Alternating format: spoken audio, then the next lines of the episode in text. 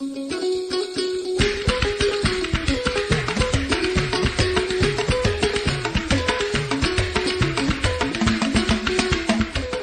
salamu alaikum. Masu sauraro barkan mu da shirin ciki da gaskiya har kullum kan bukarin take haƙƙin dan Adam.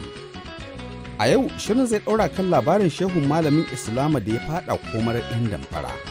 Ku biyo mu cikin shirin. Sunana Sarfil Hashim Gumel.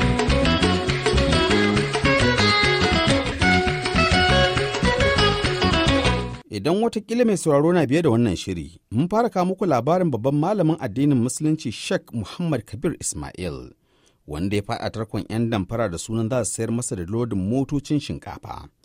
Inda ya mika musu miliyoyin kuɗin jama'a daga bisani suka jefa shi cikin halin kayi. Barista Atiku Ismail, ƙanin Malam Kabiru ne, kuma a gabansa dukkan lamarin ya au. Alhamdulillah, salatu wassalamu ala rasulillah.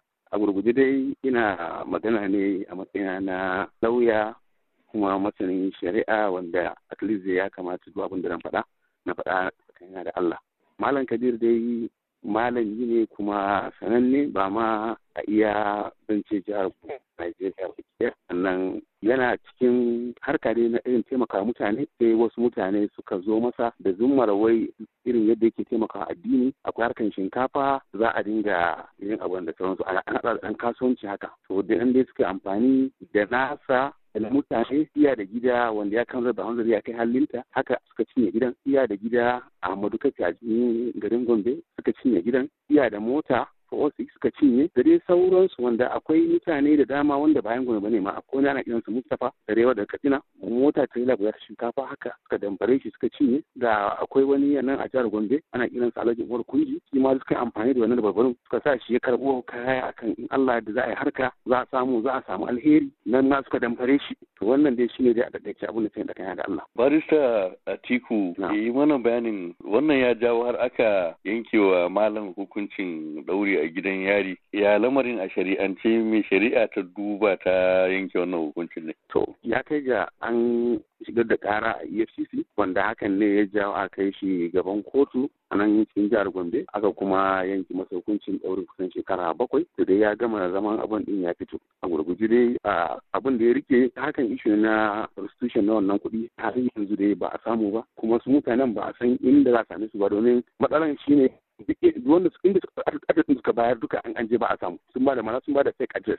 A shari'ance wace irin dama ce shi malam muhammad kabir ismail yake da ita? Wato mana bayan wannan ɗauri ya nuna har yanzu dai akwai sauran bayani na kuɗi kenan a gaba. Eh walle bayan ɗaurin akwai bayani na kuɗi. Sannan akwai abin da dan manta ban faɗa ba. Misali ita kotu ma'aunin shari'a namu na Najeriya shine sashen ɗari talatin da biyar na kun tafiyar da shari'a. An ce wai ihu a sani masu proof. Mana body of proof yana kan wanda ya furta magana. Haƙƙin tabbatar da abu yana wuyan shi. To malam an ba shi dama haka idan har ka ci an damfare ka ne to ya zama yana wuyan ka. Ka ne ka tabbatar da an damfare ka. To kaga inda zai sami su din zo su tabbatar cewa lalle mun damfare ma ko babu wani inda ya maka sun ba da adadin inda aka bi din yadda za a samu a samu a kama su babu. Mana ya zama duk inda abun ya tawo kuɗin shine last beneficiary na wannan abu ya zama shine aka kama. Kayan da ya gunsa ne shi aka sani.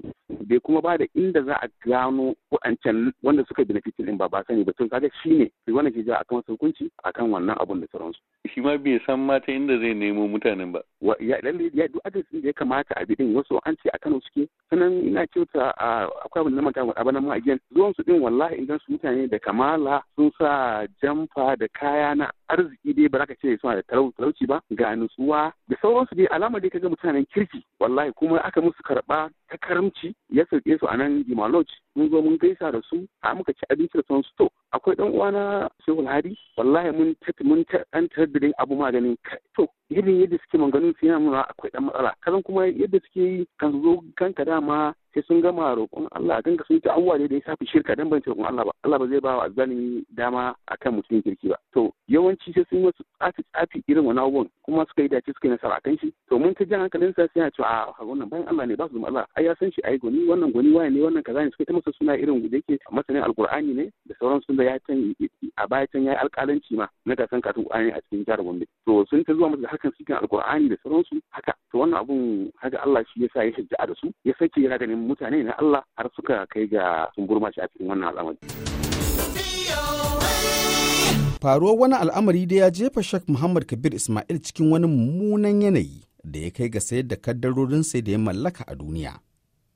Amma har yanzu bai fita daga wannan hali da ya tsinci kansa ciki ba. Kamar yadda ya shaida filin ciki da gaskiya. Ma Muhammad Kabir gaba ɗaya nawa yanzu ake binka mutanen nan shi yanzu Umaru kunji nawa ne kuɗinsa a wajenka. Nasa zai kai kusan miliyan sha biyu da dubu ɗari biyar. Mustapha miliyan shida da dubu ɗari biyar. Kaga sha bakwai kenan ko? Eh. Ga wancan yana da uku mai masara mota da shi ma buhu ɗari shida. Ashirin to da ƙanana ƙanana da ya wuce ashirin da ɗaya zuwa ashirin da biyu miliyan abin da yake kai na kenan. Na'am. A matsayin ka na eh ina ji. Ka biya mi? Na biya wasu. Shine na sai da gidana na biya wasu na rarrake. Wato da kuɗin sun kai miliyan wajen talatin kenan ko fiye da. Za su hakika a ciki ai na rarrage. Na Ya nuna yanzu baka da wani sauran abu da zaka sayar a kadarorin ka kenan. wallahi azimi ba ko da taki ɗaya kuwa. Wallahi ban da shi. Ni kuma pensioniya ne. Gratuity na ma bai wuce miliyan biyu ba. In ma za a biya ni. In bai ma kai ba. Oh, Kabir daga wancan lokacin zuwa yanzu ya ya rayuwarka ta kasance bayan wacce gaddara da ta faru. rayuwa kan a matsayina na almajiri haka dai nake rayuwa fensho na dubu talatin da tara ne ina level 13 ya shi na dogara sai Allah daga cikin ofarsa da yake yi wa bayansa ‘ya'yana goma sha biyar na aular da guda biyu biyu maza sun yi aure sauran guda goma sha ɗayan nan da ni goma sha bakwai ko sha takwas mu sha uku nan haka muke tare a gida za a ci za a sha bai haka ta hanyar Allah da bayan Allah da suke taimako kamar yadda matar gwamnan Gombe ta aiko min da dubu ɗari bayan na fito sai mun gashi tana roƙon addu'a ga kuma taimako Eh wannan shi gwamna na yanzu Inu Malam Muhammadu Inu ya ko kuma tsoho shi tsohon gwamna. Matar gwamna na yanzu Inu ya shi kansa ya je gona ya same ni ya gaishe ni Allah ya saka mai da alheri. Eh Ya je gona ya same ni ya gaishe ni ya ce zai yi appeal. Na ce yalla bai aka sake appeal a halin da nake ciki. Ina tsoro duk da na ban san shari'a duka ba amma kar abun ya sa ni ta zama. Ya ce to shikenan Allah sauke. Ya aiko min da abinci gidana ya ba su wani dan kuɗi suka riƙe suka yi cefa. Har Allah ya fito wata yanzu kuma dai ina ta ƙoƙari mu haɗu da shi shi ma in ji wani taimako zai Allah eh. Bai sa mun haɗu ba. Babban abu dai shine a samu ah, wannan kuɗi da ake biya a biya shikenan yaso zaka iya ci gaba da rayuwarka. Wannan shine gaskiyar magana. Da Allah ya takure ake masu gidan haya sun dame ni masu kuɗi sun dame ni. Ba aikin yi. Da ƙarfi na a haka na yi ritaya a 2018 na ajiye aikin. Ba abin da nake yanzu. Akar makalla yaya abokanka da sauran jama'a su kuke hulɗa da su a yanzu bayan faruwar wannan abin? wallahi ba ni da wata mummunan fahimta da kowa. Ina tare da waɗanda dama nake tare da su na Allah na Allah. Yawwa muna tare da su suna gaishe ni ina gaishe su ina ziyartar su. Sai dai harka ta ta wa'azi ne kamar da publicly ba kasafai na kan yi ba. Gaskiyar Allah ba zan ɓoye ba. Wannan kam na dan rage ba na shiga wa'azi haka kamar yadda na kasan ne a da kai. Mm. amma na kan yi a juma'a na kan yi kuma ta intanet ɗin ma na kan yi ta wasu ta abin nan ma. Ta facebook ɗin ma ana ɗan yaɗa kaɗan daga cikin abubuwan da nake yi na addini. Na yi tafsiran azumi na ina yi a masallatan juma'a na gari na da anguwata. Barista Atiku Ismail shi ma ya bayyana irin tsananin halin da shehun malamin ya fada bayan da wannan kaddara ta afka masa. Kai da kike tare da shi ya rayuwarsa ta kasance bayan wannan kaddara ta wallahi inna lillahi wa inna ilaihi raji'un. Wallahi ya kai zuwa ka. Wallahi tallahi ka gani fara gurin ko wallahi ji ce da san ina cikin rayuwar da aka shiga a baya da irin halin da iyalan su suka shiga. Wallahi tallahi. An shiga yanayin da abincin da za a ci ma a gidan ya zama damuwa. Matarsa ke uwar gidansa ita ta dinga fama da tashi ta sai da kaddarata da wannan haka dai har Allah subhanahu wa ta'ala ya sa aka ga wannan rayuwar da yayi wanda baya nan har kai ga aka ga wannan matsayin da muke ciki a yanzu. Wallahi ko ya san malam malam ni ya ɗauki da sun a gaban sa tashi. Masu waɗanda suke da kuɗi a wajen malam ɗin nan suna ganin kamar ya cuce su ne fa. Suna gani kuma wallahi da su sai ba. Kaji na ce ma wallahi ko wallahi malam da clean mind duk abin da yake tafiyan nan iya ganin gaskiya ne an tura kaya za a samu alheri zai zo ya fidda su kai. In ƙara maka ni ma ya ce ne in je na international passport. Ya ce mu na international passport akan Allah da bana zan je ni aikin haji ko umra cikin biyu za a ɗaya Wato akwai an ga alamun alheri daga shirin 'yan damfara kenan. inna lillahi. A muka mun gani Allah mun gani. A lokacin mahaifiyar mu tana raye wallahi irin halin da shige na tausayawa da sauransu ba a magana